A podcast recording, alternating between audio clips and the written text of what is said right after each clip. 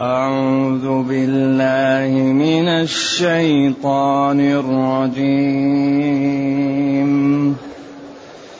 بسم الله الرحمن الرحيم.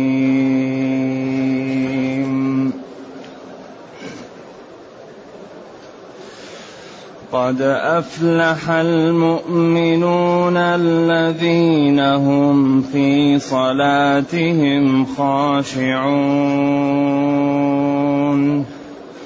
والذين هم عن اللغو معرضون. والذين هم للزكاة فاعلون.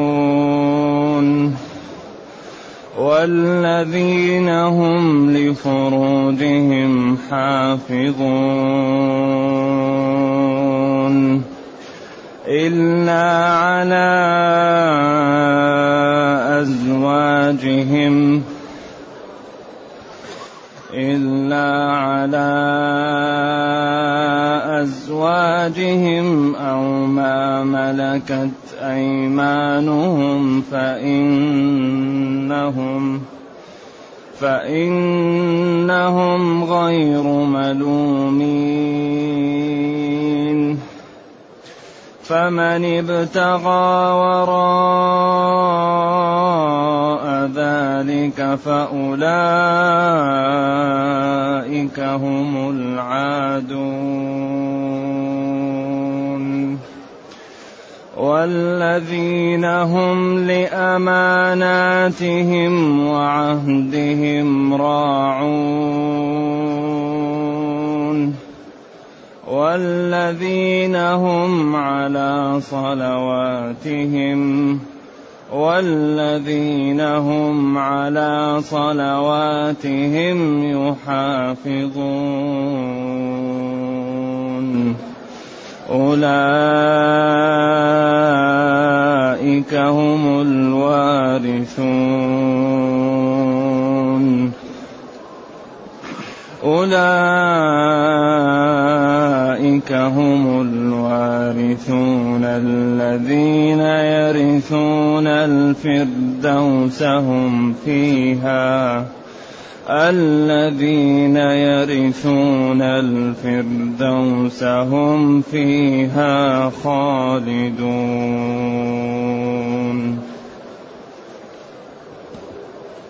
الحمد لله الذي أنزل إلينا اشمل كتاب وأرسل إلينا أفضل الرسل وجعلنا خير أمة أخرجت للناس. فله الحمد وله الشكر على هذه النعم العظيمة والآلاء الجسيمة. والصلاة والسلام على خير خلق الله وعلى آله وأصحابه ومن اهتدى بهداه. أما بعد فإن هذه السورة من السور المكية. باتفاق وتسمى سورة المؤمنون. وإذا تأملنا في آخر سورة الحج فنجد العلاقة واضحة بينهما لأنه جل وعلا قال وجاهدوا في الله. وجاهدوا في الله حق جهاده هو اجتباكم. وما جعل عليكم في الدين من حرج. الزموا ملة أبيكم إبراهيم هو سماكم المسلمين من قبل وفي هذا ليكون الرسول شهيدا عليكم وتكونوا شهداء على الناس فأقيموا الصلاة وآتوا الزكاة واعتصموا بالله. هو مولاكم فنعم المولى ونعم النصير. بعدين قال قد أفلح المؤمنون. قد أفلح الذين طبقوا هذه الأمور. جاهدوا في الله واعتصموا بالله. هؤلاء الذين امتثلوا هذا الأمر وعملوا به قد أفلحوا. والتفت عن الخطاب للغيبة. ما قال قد أفلحتم؟ أفلح المؤمنون ليدخلوا ويدخل معهم من فعل هذا الفعل.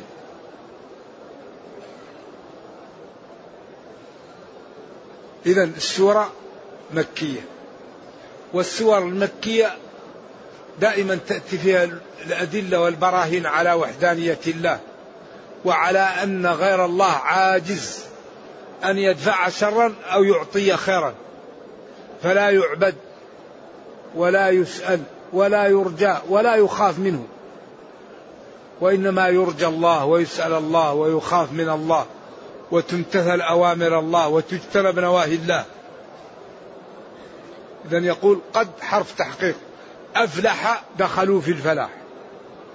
المؤمنون جمع مؤمن ويشمل من اتصف بأركان الإيمان الستة وأركان الإسلام الخمسة. من قام بهذه الأحد عشر صفة هذا من المفلحين. والسور من حيث هي منقسمة عشر أقسام. بعضها يبدأ بالحرف وبعضها يبدأ بالفعل وبعضها يبدأ بالاسم وبعضها يبدأ بالمضارع أو الماضي وبعضها يبدأ بالتعجب وبعضها يبدأ بالقسم وبعضها يبدأ بشكر الله أو تنزيهه.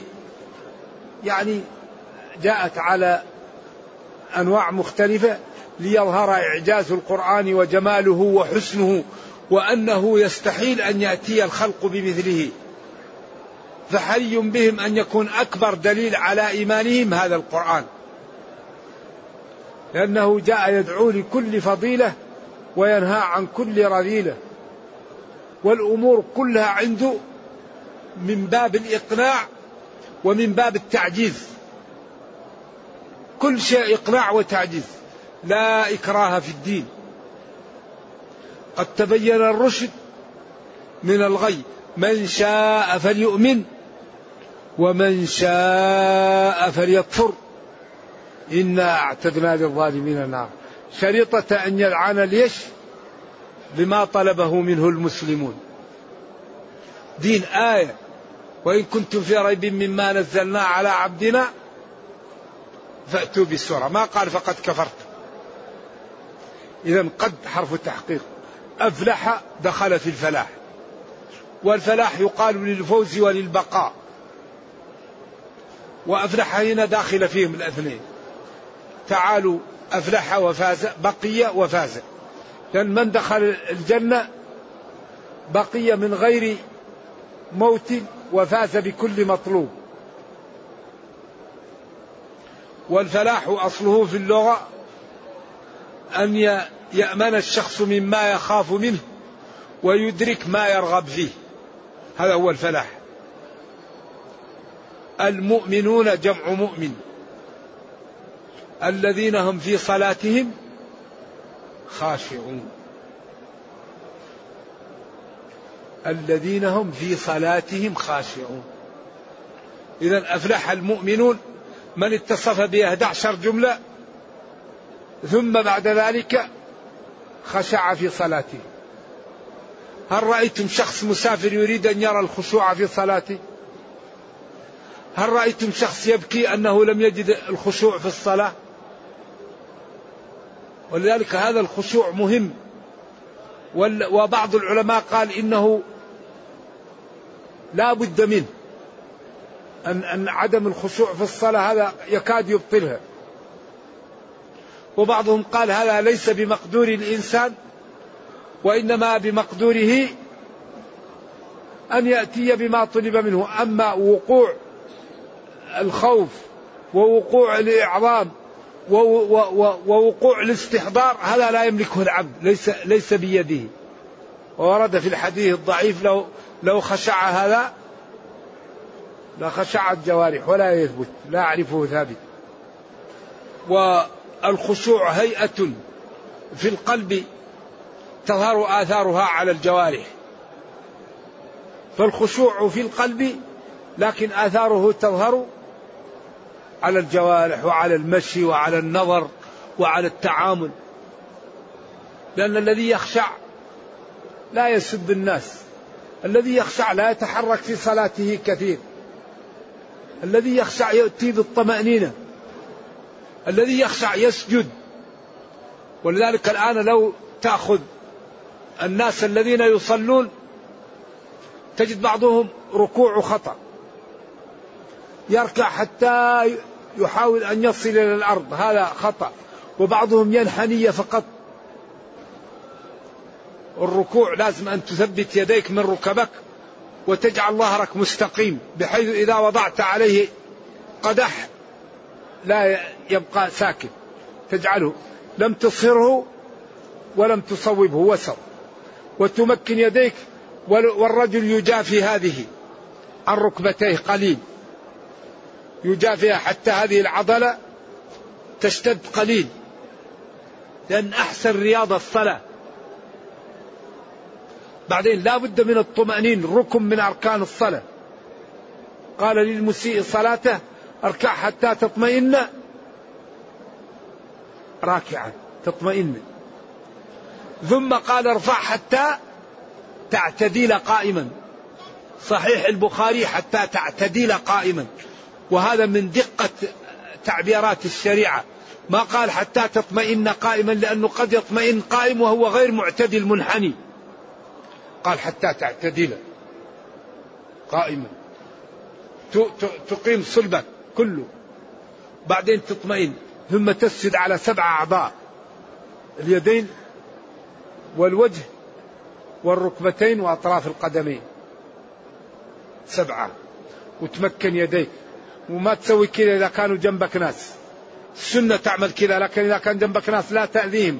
أعملها بس بقليل. لا تجعل مرفقيك في فخذيك. لا هذا خلاف السنة. كان يسجد حتى يرى بياض هذا. أي مكانة. إذا الذين يخشعون في الصلاة هادوا أمنوا مما يخافون منه ودركوا ما يرغبون فيه. وما يوجد شيء أكثر للحسنات وأمنع من الذنوب بإذن الله من الصلاة إذا كانت تؤدى تأدية صحيحة. إذا أدى المسلم الصلاة تأدية صحيحة لا بد بإذن الله تعالى أن تكون له سياج عن المعاصي. ولذلك قال تعالى إن الصلاة تنهى عن الفحشاء والمنكر. لكن الصلاة الحقيقية ما هو صفة الصلاة؟ ينقرها نقر الديك ولا ينتبه لها. يدخل فيها ولا يدري حتى يقول الإمام السلام عليكم. ما يعرف كم صلى ولا. هذا ما يكون في أجر.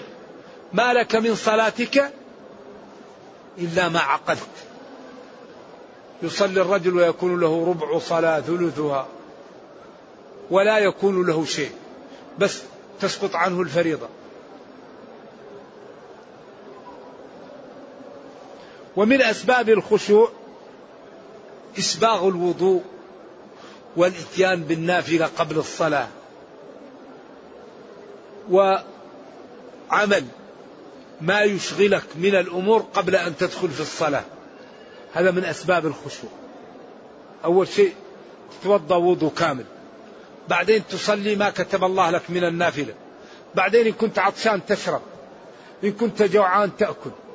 إن كان عندك مشكلة سددها قبل أن تصلي. عشان تأتي للصلاة وقلبك ما فيه مشاغل فيكون مدعاة للخشوع. ولذلك إذا حضر العشاء والعشاء فابدأوا أيوة عشان تأتي للصلاة وأنت يأتيك الخشوع. الإنسان ضعيف. هل كدين دين الإسلام دين رائع؟ ما رأيت أجمل من الإسلام. إذا دخل في الفوز والفلاح المؤمنون. الذين هم في صلاتهم خاشعون. وكما ذكرت الخشوع أمر في القلب يظهر على الجوارح. يعني أن يكون العبد يعني مقبلا على صلاته مقبلا على ربه يريد من هذه الصلاة أن تكتب له حسنات وأن تمحى عنه سيئات وأن تكون سببا في رفع درجاته يوم القيامة. هذا هو الخشوع. أن يكون هذه الصلاة يريد بها رضا الله وتكثير الحسنات ومحو السيئات وأن تكون له درجات عليا بها. هذا هو عين الخشوع. مقبل عليها. يريد منها نفع. يريد ثمرة. يريد فائدة من هذه الصلاة. مستحضر لها ومتهيأ لها لأنه يريد من وراها كنز يريد من وراها غنيمة يريد من هذه الصلاة غنيمة يغنمها. هذا هو الخشوع. الذين هم في صلاتهم خاشعون والذين هم عن اللغو معرضون. اللغو كل كلام لا فائدة فيه دنيا ولا أخرى. أي شيء يصدر منك لا يكتب لك في في حسناتك ولا تستفيد منه في دينك هذا لغو. يدخل فيه الغيبة يدخل فيه النميمة يدخل فيه الحكايات. مشينا وجئنا ورحنا وسافرنا وجلسنا وأكلنا وشربنا. طيب إذا كان هذا لا يقصد منه عبر ولا يقصد منه فائدة أو لا يقصد منه نعم أسداها الله إليك أو معازق أنقذك الله منها هو اللغو. كل ما لا فائدة فيه لغو. والذين هم للزكاة فاعلون. ما قال مؤدون قال فاعلون. لأن الزكاة يعني هي أولا فعل يقوم به الإنسان وبعدين لما يفعل ذلك الفعل و و ويفكر فيه ويعمله نهاية التأدية. وهذه الصفات الأربعة هي أكبر صفات أهل الجنة. الإيمان والصلاة والإعراض عن اللغو وتأدية الزكاة. هذه من كبريات أسباب دخول الجنة. ولذلك قال إن الذين قالوا ربنا الله ثم استقاموا. استقاموا تركوا إيش؟ تركوا اللغو وتركوا ما لا ينبغي. وبعدين قال في الآية الأخرى تتجافى جنوبهم عن المضاجع يدعون ربهم خوفا وطمعا ومما رزقناهم ينفقون. فلا تعلم نفس ما أخفي لهم من قرة أعين. وقال في حق أهل النار لما سألهم أهل الجنة ما سلككم في سقر؟ أهل الجنة سألوا أهل النار. ما سلككم في سقر؟ ما, ما الذي أدخلكم النار؟ سقر جهنم. قالوا لم نك من المصلين. ولم نك نطعم المسكين. وكنا نخوض مع الخائضين وكنا نكذب يوم الدين. إذا عكس هذه الأمور الأربعة هي كبريات دخول أهل جهنم. لم نكن من المصلين الذين هم في صلاتهم خاشعون. ولم نكن نطعم المسكين وهي الذين هم للزكاة فاعلون. وكنا نخوض مع الخائضين عن اللغو معرضين. وكنا نكذب بيوم الدين يقابلها قد أفلح المؤمنون. وقال جل وعلا كتاب أنزلناه إليك مبارك مبارك ليدبروا آياته مبارك. إيش؟ ليدبروا يخرج الكنوز التي هي فيه. ليدبروا يطلعوا الكنوز. أسباب دخول الجنة. أسباب دخول جهنم. أسباب الغنى أسباب العز. أسباب الهلاك. كل شيء طلعوا من القرآن. فحري بنا. أن نعطي كتابنا الوقت. وقت. لابد أن نقرأ القرآن. لابد أن نطلع الكنوز الموجودة. كنوز. أسباب الذل. أسباب الضعف. أسباب الخذلان. أسباب الخزي. أسباب الرفعة. أسباب القوة. أسباب الكرامة. أسباب العز كله موجود. ولذلك حري بنا أن نستخرج من كتابنا ما ينفعنا في دنيانا وأخرانا. هذه أمور واضحة. أنا لم أرى أحدا كتب عن هذه الأشياء مع وضوحها. ما رأيت شخص كتب أسباب دخول النار الكبيرة أربعة. بعدين نص صريح صحيح. واضح. ما سلككم في سقر. بعدين هنا قد أفلح المؤمنون. أمور واضحة جدا. لكن ما رأيت هذا مكتوب في كتاب أسباب دخول الجنة أربعة أمور وأسباب دخول جهنم أربعة أمور. وهذه واضحة جدا. لكن باب القرآن مفتوح للمسلمين. وأي إنسان يتأمل القرآن يأتي بأشياء غريبة لأنه قال إلا فهما يعطيه الله رجلا في كتابه. والذين هم عن اللغو معرضون. بعدين قال والذين هم للزكاة فاعلون. الزكاة هنا زكاة المال زكاة البدن زكاة العمر. كل خير يدخل في الزكاة. ويدخل في دخول أول زكاة المال. ولذلك بعضهم قال هذا المقصود به والذين هم لتأدية ما وجب عليهم وإبعادهم عما حرم عليهم من الأمور فاعلون. والذين هم لما يزكي النفوس ويزكي آه، الأعمار ويزكي الإنسان يجعله زكيا طاهرا تقيا نقيا عدلا فاعلون. لأن هذه الآية مكية ومكة لم تفرض فيها الزكاة. فهنا أعم من الزكاة التي هي زكاة المال. والذين هم لفروجهم حافظون إلا على أزواجهم أو ما ملكت أيمانهم فإنهم غير ملومين. الفروج معروفة وحفظها أيضا معروف. وهنا وقفة في نقطتين خفيفة. النقطة الأولى إلا على أزواجهم أو ما ملكت أيمانهم. فهنا دلت هذه الآية على تحريم العادة السرية التي هي جلد عميرة وعميرة كناية عن عضو الرجل يقال له عندهم يكنوه بعميرة. ولذلك آه هذا لا يجوز وإن قال جلة من العلماء بجوازه وشبهوه بالفصد. لأن الفصد جائز وهو الحجامة.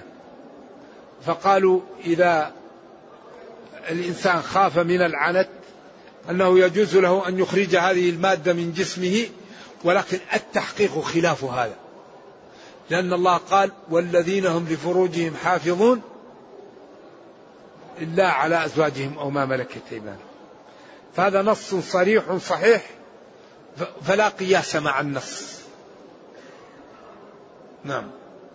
ولذلك قال وأنكحوا الأيام منكم والصالحين من عبادكم وإمائكم.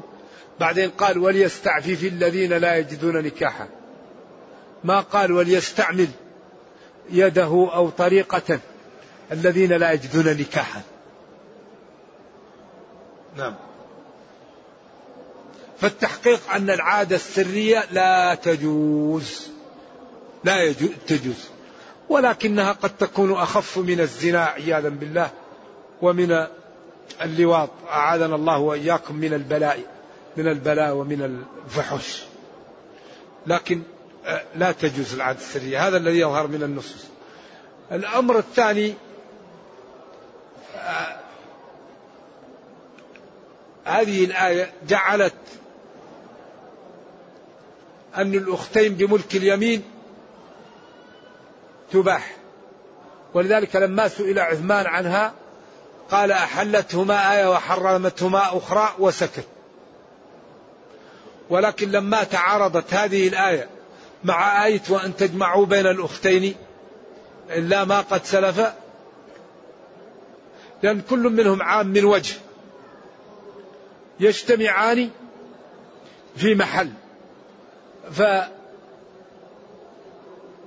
فدخلوها في في معمل ترتيب الأدلة. لأن اختلفت الأدلة في في باب اسمه باب التعادل والتراجيح. يعني إذا اختلفت الأدلة ما الذي يقدم؟ أولا الإجماع ثم الكتاب ثم السنة ثم قول الأكثر ثم ما عليه الأئمة الأربعة ثم ما اختاره أبو بكر وعمر ثم ما كان على الحقيقة ثم ما كان على ترتيب الكلام ثم ما كان يدل على الإطلاق ثم ما كان يدل على العموم. في هناك ترتيب أدلة. فلما اختلفت يعني الآيتان في ظاهرها تعارضت ورجعوا إلى الترجيح وجدوا أن وأن تجمعوا بين الأختين في سورة النساء. ووجدوا أو ما ملكت أيمانكم في معرض الامتنان. ووجدوا هذا في التحليل والتحريم. فوجدوا أن ترجيح التحريم أقوى لأنه في سورة النساء وأن ترك حلال أولى من فعل حرام. المهم جعلوا هذا أرجح لترتيب الأدلة للأدلة الراجحة فيه. الأمر الثاني كانت هناك امرأة وكان عندها عبد وضيء فاستدلت بالآية وتسرت عبدها.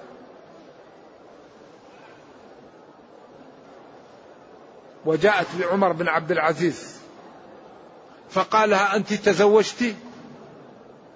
قالت نعم. قالت لكن هذا عبدي.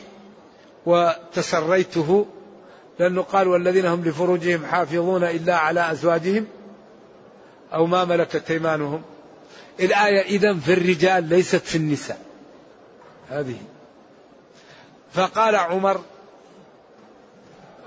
لولا كتاب الله لعملت لها كذا وكذلك امرأة في زمن عمر بن الخطاب رضي الله عنه فأخذ العبد وباعه. وقال للذي يشتريه لا يكون في بلد الذي تسكن فيه هي. عمر منعها من الزواج. قال لا تتزوجين. تعزيرا لها على ما فعلت. إذا هذا خاص بإيش؟ بالرجال. هنا الأزواج لا يزدن عن أربع. الرجل يجوز له أن يتزوج أربع حرائر. مثنى وثلاث ورباع فقط. فإن خفتم أن لا تعدلوا فواحدة. أو ما ملكت أيمانكم. ولذلك قال وإن خفتم أن لا تقسطوا في, في اليتامى فدعوهن وانكحوا ما طاب لكم من النساء. لأنه تكون عند اليتيم في حجره فلا يعطيها المهر كامل فإما أن يعدل فيها أو يتركها ويتزوج غيرها. قال وترغبون أن تنكحوهن. ولذلك أن وما دخلت عليه في تأويل مصدر محتمل لأن يكون مجرور بفي لجمالهن وكثرة مالهن أو عن لدمامتهن وقلة مالهن. وترغبون في نكاحهن لجمالهن وكثرة مالهن فأعطوهن المهر كاملا. وترغبون عن نكاحهن لقلة مالهن وجمالهن فإذا كن صاحبات مال وجمال فأعطوهن المهر كاملا لأنها إذا لم تكن لها مال ولا جمال فلا تأتونها. فلا فأعطوها مهرها كاملا أو اتركوها وأتوا غيرها. والذين هم لفروجهم حافظون إلا على أزواجهم. الأزواج جمع زوج والتاء فيه ليست لحن ولكنها لغة ضعيفة. يقال زوج.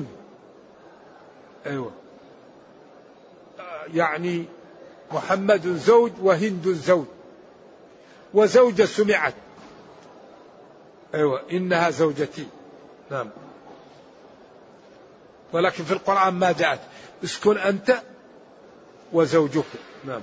هذه اللغة الفصحى. أو ما ملكت أيمانهم. وملك اليمين هو عجز حكمي يقوم بالإنسان سببه الكفر. لا رق في الإسلام إلا بسبب الكفر. وهو شبيه بالسجن المؤبد بغير الأعمال الشاقة. هو في عرف اليوم السجن المؤبد بغير الأعمال الشاقة. فإنهم غير ملومين أي غير معابين وغير يعني معاقبين وغير فاعلين ما يلامون عليه. فمن ابتغى تعدى وراء ذلك وهم الأزواج وملك اليمين فأولئك هم العادون. إذا يدخل فيه العادة السرية ويدخل فيه نكاح المتعة. ولذلك نكاح المتعة حرم يوم خيبر وحرم في أوطاس ولذلك كان رخصة لأنه لا يعرف شيء يحرم ويباح ويحرم إلا إذا كان رخصة. فالذي يظهر أنه كان رخصة. ثم ترك. ولما أراد ابن عباس أن يفتي فيه في أيام عبد الله بن الزبير غفر الله لنا ولهم أيام في مكة قال له والله لو أفتيت بهذا لجعلت ظهرك دبرة. يقولها عبد الله بن الزبير لابن عباس فكف ابن عباس عن الفتوى في ذلك. رضي الله عن الجميع. نعم. وهو لا شك أنه نكاح المتعة محرم وأنه لا يجوز. وأنه أول كان رخصة ورفع. والذين هم لأماناتهم وعهدهم راعون. العهد كل عهد أمانة وليست كل أمانة عهد. فالعهد ما يتعاهد عليه الناس. والأمانة أيضا كل شيء تمن الإنسان عليه. مال أو سر أو دين أو كل شيء يجب على الإنسان أمانة فيه. ولذلك عرض الإنسان أمانة فيه صحة أمانة فيه من يعول أمانة فيه الأمور التي تؤتمن عليها أمانات ودائع وأسرار كلها أمانة.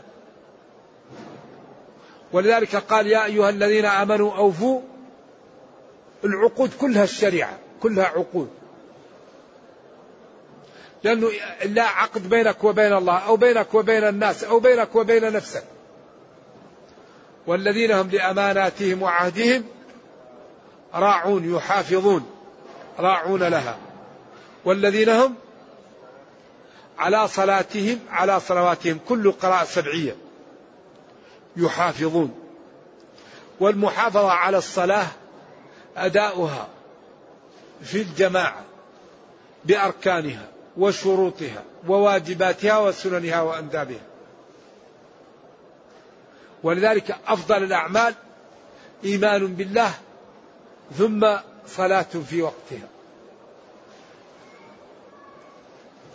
أركعوا مع الراكعين.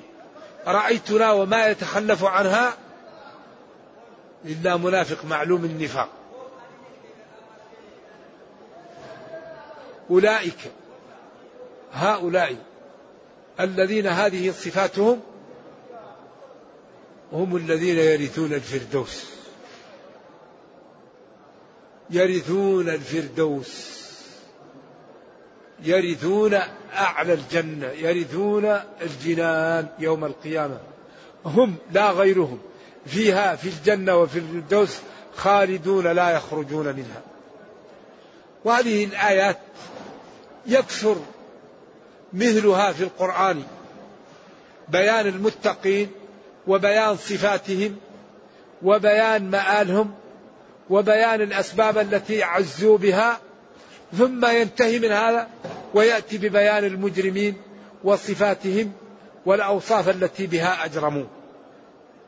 الحقيقة أن هذا أمر واضح لا لبس فيه فينبغي لنا أن نبادر بالامتثال والاجتهاد حتى نكون من هذه الشريحة التي وصفها الله الليلة بهذه الصفات العظيمة. نرجو الله جل وعلا أن يرينا الحق حقا ويرزقنا اتباعه وأن يرينا الباطل باطلا ويرزقنا اجتنابه وأن لا يجعل الأمر ملتبسا علينا فنضل. اللهم ربنا أتنا في الدنيا حسنة وفي الآخرة حسنة وقنا عذاب النار. سبحان ربك رب العزة عما يصفون وسلام على المرسلين والحمد لله رب العالمين. والسلام عليكم ورحمة الله وبركاته. كيف نرد على من يستدل بحديث إن الله لا ينظر إلى صوركم ولكن ينظر إلى قلوبكم الحديث ويحلق لحيته ولا يصلي ويفعل المعاصي ويقول هذا الحديث. هذا ما هو فاهم إن الله لا ينظر إلى صوركم ولكن ينظر إلى قلوبكم. ولكن أنتم شهداء الله في أرضه. إذا قلتم ونعم بفلان وجبت له الجنة. وإذا قلتم فلان اتركون منه لا تأكل الغيبة. عفى الله عن المسلمين وجبت له النار. إذا أثنيتم عليه شرا وذكرتموه بالشر وجبت له النار. ولذلك قال من أتى شيئا من هذه القاذورات فليستتر بستر الله. كل أمتي معافى إلا المجاهرين. فهؤلاء الناس إذا شهدوا على واحد بالخير خلاص يدخل الجنة. إذا قالوا هذا ما هو طيب الله يكون في عونه. فذلك آه، فالمسلم لا ينبغي أن يظهر بالفسوق. كل أمتي معافى إلا المجاهرين. والدين لا بد له من ضريبة. الذي يريد الجنة يدفع ضريبة. الجنة لها ثمن. الصلاة الصوم الاستغفار الزكاة إكرام الضعاف أن تبر بوالديك وجيرانك أن تترك شهواتك. ونهى النفس عن الهوى. حجبت الجنة بالمكاره. حجبت النار بالشهوات. نص الصحيحين حجبت. إذا كل شيء له ثمن. والجنة لها ثمن والذي يخاف من أن الناس يقولوا له أنت متدين. يخاف من الدين يا أخي. الدين يأتي بالخير. والذي يدفع ضريبة الدين يوم القيامة يأمن يوم الفزع الأكبر. والذي يعاصي ويخاف من الناس الله يسخط عليه الناس. ويغضب عليه. من التمس رضا الناس بسخط الله سخط الله عليه وأسخط عليه الناس. ومن التمس رضا الله بسخط الناس رضي الله عنه وأرضى عنه الناس. بعدين نحن مطالبين بحسن الأخلاق. ما أن مطالبين بأن لازم نكون في الساق عشان الناس ترضى عنا. لكن لا نكذب لا نظلم لا نسيء على أحد. لا نرفع لا نتكلم على بسوء على أحد لا ننمم عن أحد لا نفضح أحد. نكون ولكن ديننا ما يطالبنا بأن نكون في الساق عشان نرضي الآخرين أو أن نعصي الله ليرضى الناس لا. ولذلك لا طاعة لمخلوق في معصية الوالدين. أعز إنسان على المسلم وأوجب طاعة الوالدين. إذا أمروك بمباح يكون واجب. وإذا نهوك عن مباح يكون حرام. لأن الله قال وبالوالدين والإحسان أن تنفذ ما قال لك من غير إذا كان غير حرام. إذا أمرك بمعصية لا تطعه. ولذلك قال تعالى وإن جاهداك أي والداك إذا كانوا كافرين على أن تشرك بي ما ليس لك به علم فلا تطعهما وصاحبهما في الدنيا. شوف يعني أسلوب الدين غاية في الدقة والجمال وصاحبهما في الدنيا. تأتيهم بأكل تأتيهم بشرب تأتيهم بلباس تأتيهم بسكن ترفق بهم. لكن يقول لك أعمل حرام قل له لا. إلا هذا. الله هو اللي أوجب طاعتك. قال لي نصاحبك في الدنيا. ما هو؟ في الدين. معروف بما يعرف ويباح من الشرع فالدين غاية في الجمال. لذلك المسلم يطيع ربه. لكن لا يأذي الناس ولا يتطاول عليها ولا يتكبر عليها لأن عندك دين. تحمد الله. لأن الذي يكون عنده العلم وهو غير متدين يرى الناس مثل الذر. ما في أحد ما في شيء يجعل الإنسان يتكبر مثل العلم إذا لم يكن صاحبه يخاف الله. لأن العلم يرفع. العلم عجيب يعز. فإذا لم يكن الإنسان عنده علم وهو غير تقي عياذا بالله يذهب عن طريق إبليس. إبليس قال لن يخلق الله عليه خلق أعظم مني. ما في مثلي. قال له اخرج منها مذءوما مدحورا. أصابوا الكبر. فلذلك الذي يزن به العلم الورع والمخافة والعبد يشكر الله أن الله أعطاه العلم لأنه قد يكون ما عنده علم ولا عنده عقل. فالله هو الذي أعطاك فأمرك بأن تتواضع وأن تحسن أخلاقك مع الناس. ولذلك هذه الأمة لا بد لها من برامج جادة لإنقاذ البشرية. نحن في حاجة ماسة إلى برامج عملاقة حتى ندخل العالم في الإسلام.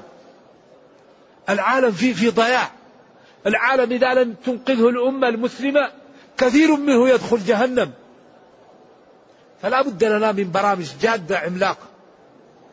قنوات ومواقع ومراكز ومراكز للترجمة قوية جدا.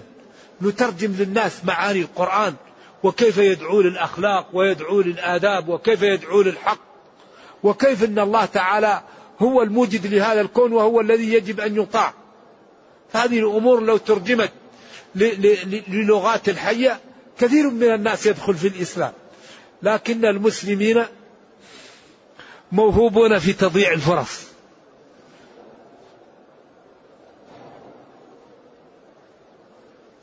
يقول هل بعد طواف الوداع يصلي ركعتين؟ كل طواف تصلى بعده ركعتين. أي طواف؟ والأولى أن تقول بالفاتحة وقل يا أيها الكافرون وبالفاتحة وقل هو الله أحد. رجل اعتمر ثم جاء المدينة. هل الأفضل له أن يأتي بعمرة بعد مرة أخرى عندما يعود مكة أو يكتفي بالعمرة الأولى؟ إذا كان يحاول أن يأتي بعمرة من التنعيم فليأتي بعمرة الآن. وإن كان لا يأتي بعمرة ويأتي بسفر مستقل للعمرة الأفضل له الإفراد. والله أعلم. ما حكم الأذان الأول في صلاة الفجر وهل حديث إن بلالا يؤذن بليل فكلوا واشربوا حتى يؤذن ابن أم مكتوم حديث عام وخاص. لا هذا حديث يعني المقصود بالحكم عام لأن لا يؤذن للصلاة إلا بعد دخولها إلا الفجر. أباح الإسلام الأذان للفجر قبل دخول الأذان. وهذا الأذان لا يحرم يعني الأكل ولا الشرب ولا الجماع. الأمور المحرمة في الصوم الأذان الأول لا يحرمها. إن بلالا يؤذن بليل وإن ابن أم مكتوم رجل أعمى لا يؤذن حتى يقال له أصبحت أصبحت فإذا دخل الفجر فينبغي أن يكف عن المفطرات. والذين يأكلون بعد الأذان هذا كلام مرجوح.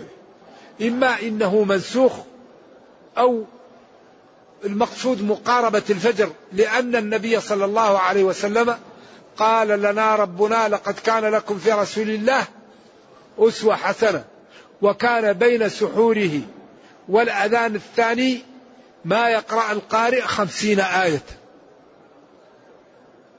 وهذا يدل على أنه كان يمسك قبل إيش؟ قبل الأذان. أما الذين يسمعون الأذان ويشربون فهذا لا ينبغي. لا ينبغي ويخشى عليهم من أن يكون صومهم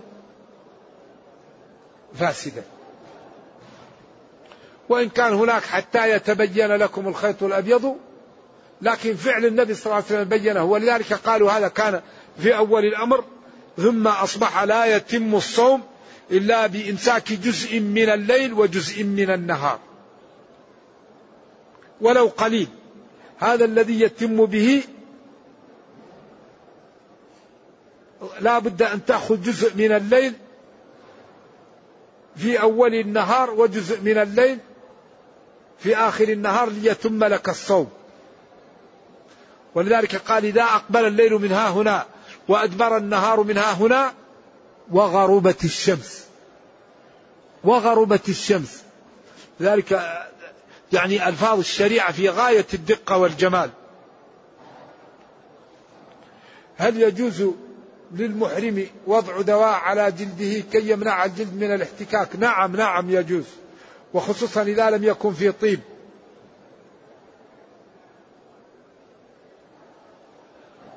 يقول الشيعة يقولون مثنى وثلاث ورباع يعني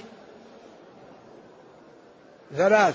كم؟ تسعة يعني؟ تسع هل هذا صحيح؟ لا ليس صحيح. حديث أمسك أربعا وفارق سائرهن. والحديث فيه ضعف. ولا يجوز للحر أن يتزوج أكثر من أربعة. نعم.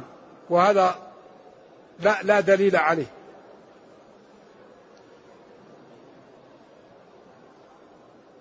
يقول شخص عمل معاصي معاصية ثم تاب وأحسن حاله. هل يمكن أن يكون من صفات هؤلاء الذين ذكروا في هذه الآية؟ نعم.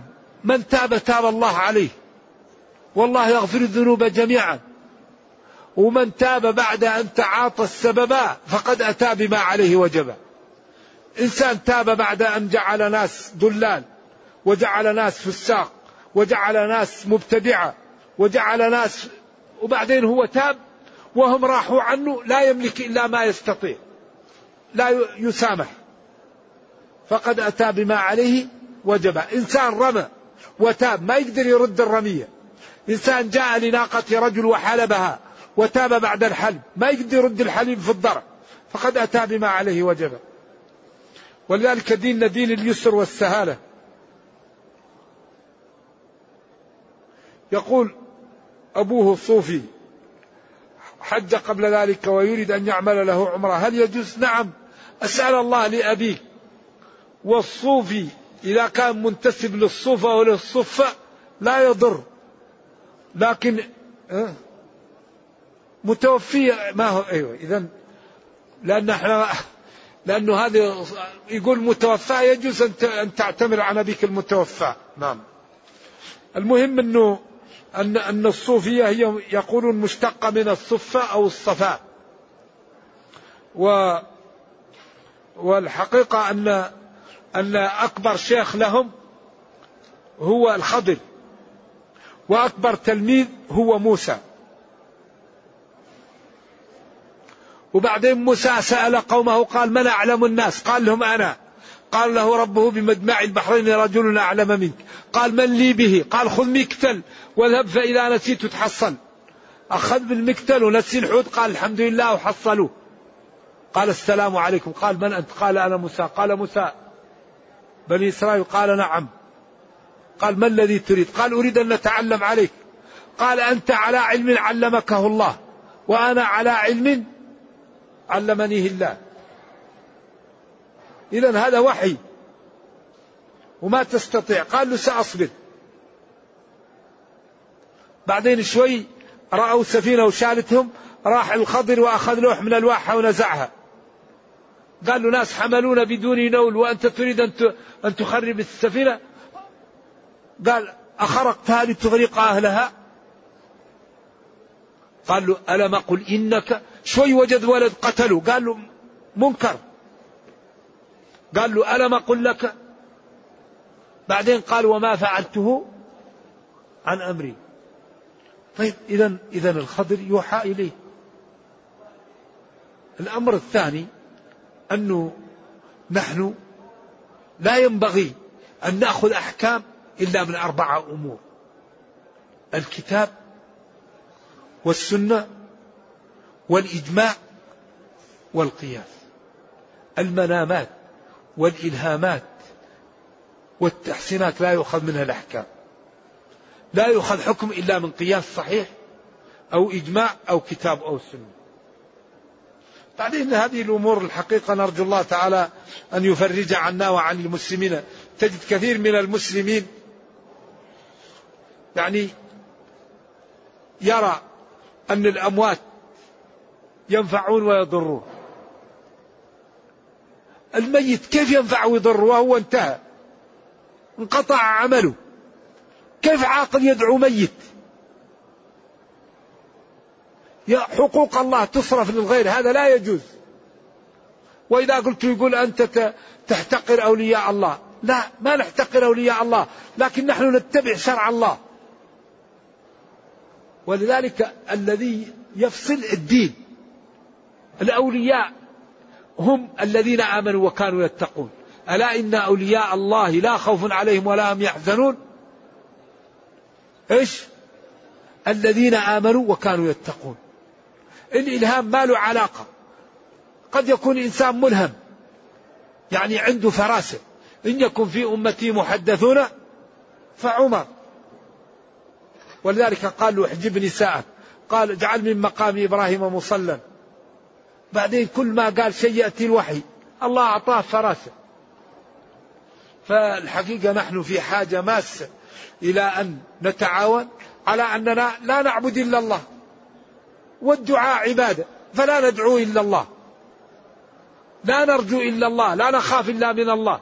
لا نصرف حقوق الله لغير الله. ما في أحد يقول دعاء غير الله واجب. في أحد يقول لكن في من يقول شرك. طيب مسألة إذا دارت بين الجواز والشرك الأولى ما لا؟ تركها هل في أحد في الدنيا يقول دعاء غير الله جاء واجب؟ لكن في علماء يقولوا شرك. إذا المسألة إذا دارت بين الشرك والجواز الأولى إيش؟ تركها بالإجماع بالعقلاء. إذا نترك هذه الأمور وإذا رأينا الناس نرفق بهم لا بد للمسلمين أن ينتبهوا. جعل البنايات على القبور والطواف عليها هذا في غاية الخطورة. دعاء الأموات هذا مشكل. دعاء غير الله مشكل. جعل غير الله يعلم الغيب مشكل. جعل بعض المخلوقات يتصرف في الكون مشكل. ولذا هذه الأخطاء في غاية الخطورة. لا بد أن نرفق بإخواننا وأن يكون لنا معهم تعامل جاد لإنقاذهم.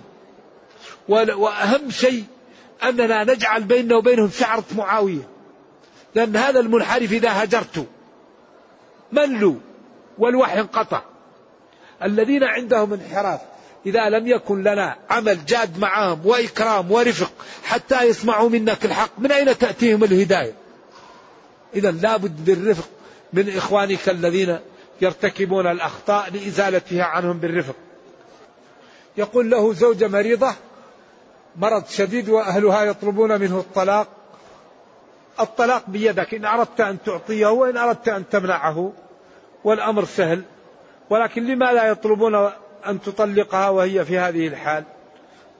يعني والطلاق جائز الطلاق مرتان ويجوز للزوج أن يطلق زوجه وبعدين قالوا أن يتفرقا يغني الله كلا من سعته ولكن امرأة مريضة ينبغي أن تساعد وترفق بها. نعم. وهذا أمر يرجع إليك تستخير وتستشير. هل يجب أن تكون الجبهة مكشوفة على السجود؟ نعم الأولى أن تباشر المكان اللي تسجد عليه. نعم نعم الذي لا يجوز أن يستعمل الماء ولو جنب يجوز له الحج ولا يضر. والماء يكفيك ولو لم الطهور التراب تكفيك ولو لم تستطع الماء عشر سنين. فإن لم تجدوا ماء أو كنتم مرضى على سفر. الدين يسر. نعم ديننا يسر. يقول زوجه تدرس الأطفال في المدرسة بصوت عال. إذا كان مع النساء ما هي مشكلة. إذا كان بجنبها الرجال خليها تخفض صوتها شوي أحسن. حتى لا يسمعها الرجال إن الله لا ينظر إلى صوركم. أليست الصورة التامة؟ يعني هذا ليس المقصود كذا. المقصود أن العبد يعني يعطيه الأجر على نيته. لخلوف فم الصائم أطيب عند الله من ريح المسك. لأن هنا أمور معنوية. ما أن الدين يريد أن يكون آه، المسلم في رائحة كريهة؟ لا وكلا ولكن المسلم إذا حاول أن لا تكون في رائحة وصام واستاك وابتعد عن هذا وصار في رائحة لخلو البطن هذا له الأجر العظيم. إن الله لا ينظر إلى صوركم إذا كان الإنسان عنده جمال في الصورة وجمال في الثياب وقلبه مليء بالنفاق. النفاق هذا لأن ليبلوكم أيكم أحسن هذا المقصود به أن الأعمال لما في القلب ما هو في الظاهر. أما إن الله جميل يحب الجمال ويحب أن يرى أثار نعمه على عبده. نعم لئن شكرتم لأزيدنكم ما الأصح في القرآن في المناسك؟ هل هو الإفراد أو القرآن أو التمتع؟ كل منهما صحيح وكل منهما فاضل. الأنساك الثلاثة فاضلة وصحيحة بالإجماع لكن لمن يسوق الهدي أفضل له القرآن. ولمن يأتي بعمرة من التنعيم أفضل له التمتع. ولمن يأتي بسفر مستقل للعمرة وسفر مستقل للحج أفضل له الإفراد. فكل منهم فاضل باعتبار. هل هناك بالنبي صلى الله عليه وسلم؟ نعم يتوسل الإنسان بمحبته وبالإيمان به. يقول اللهم إني أتوسل إليك بحبي لنبيك وبإيماني به. لأن حبك له. وإيمانك به هو الذي تملكه والتوسل الذي يظهر من النصوص أن المقصود به الدعاء لأنه قال إن شئت صبرت وإن شئت دعوت. لما جاءه الأعمى قال له إن شئت صبرت قال أدعو. قال اذهب إلى المرضى وتوضأ وقل اللهم إني أتوجه بك إلى ربي في حاجتي لتقضى. اللهم شفعه فيه أي أقبل دعاءه فيه ولما كان عام الرمادة قال عمر جاء بالعباس وقال اللهم إنا كنا نتوسل إليك بنبيك فتسقنا وهذا عم نبيك ادعو يا عباس وهذا عم نبيك ادعو يا عباس الذي يظهر من النصوص أن المقصود الدعاء وأن الإنسان يتوسل بمحبته للنبي صلى الله عليه وسلم وإيمانه به هذا الذي يملك. نعم. يوم التروية هل يصلي الجمعة أم يخرج إلى منى ويصلي فيها الظهر قصرا؟ الأولى أن يصلي الظهر قصرا في منى لأن هذه السنة. وإن صلاه في جمعة في مكة جاز, جاز له.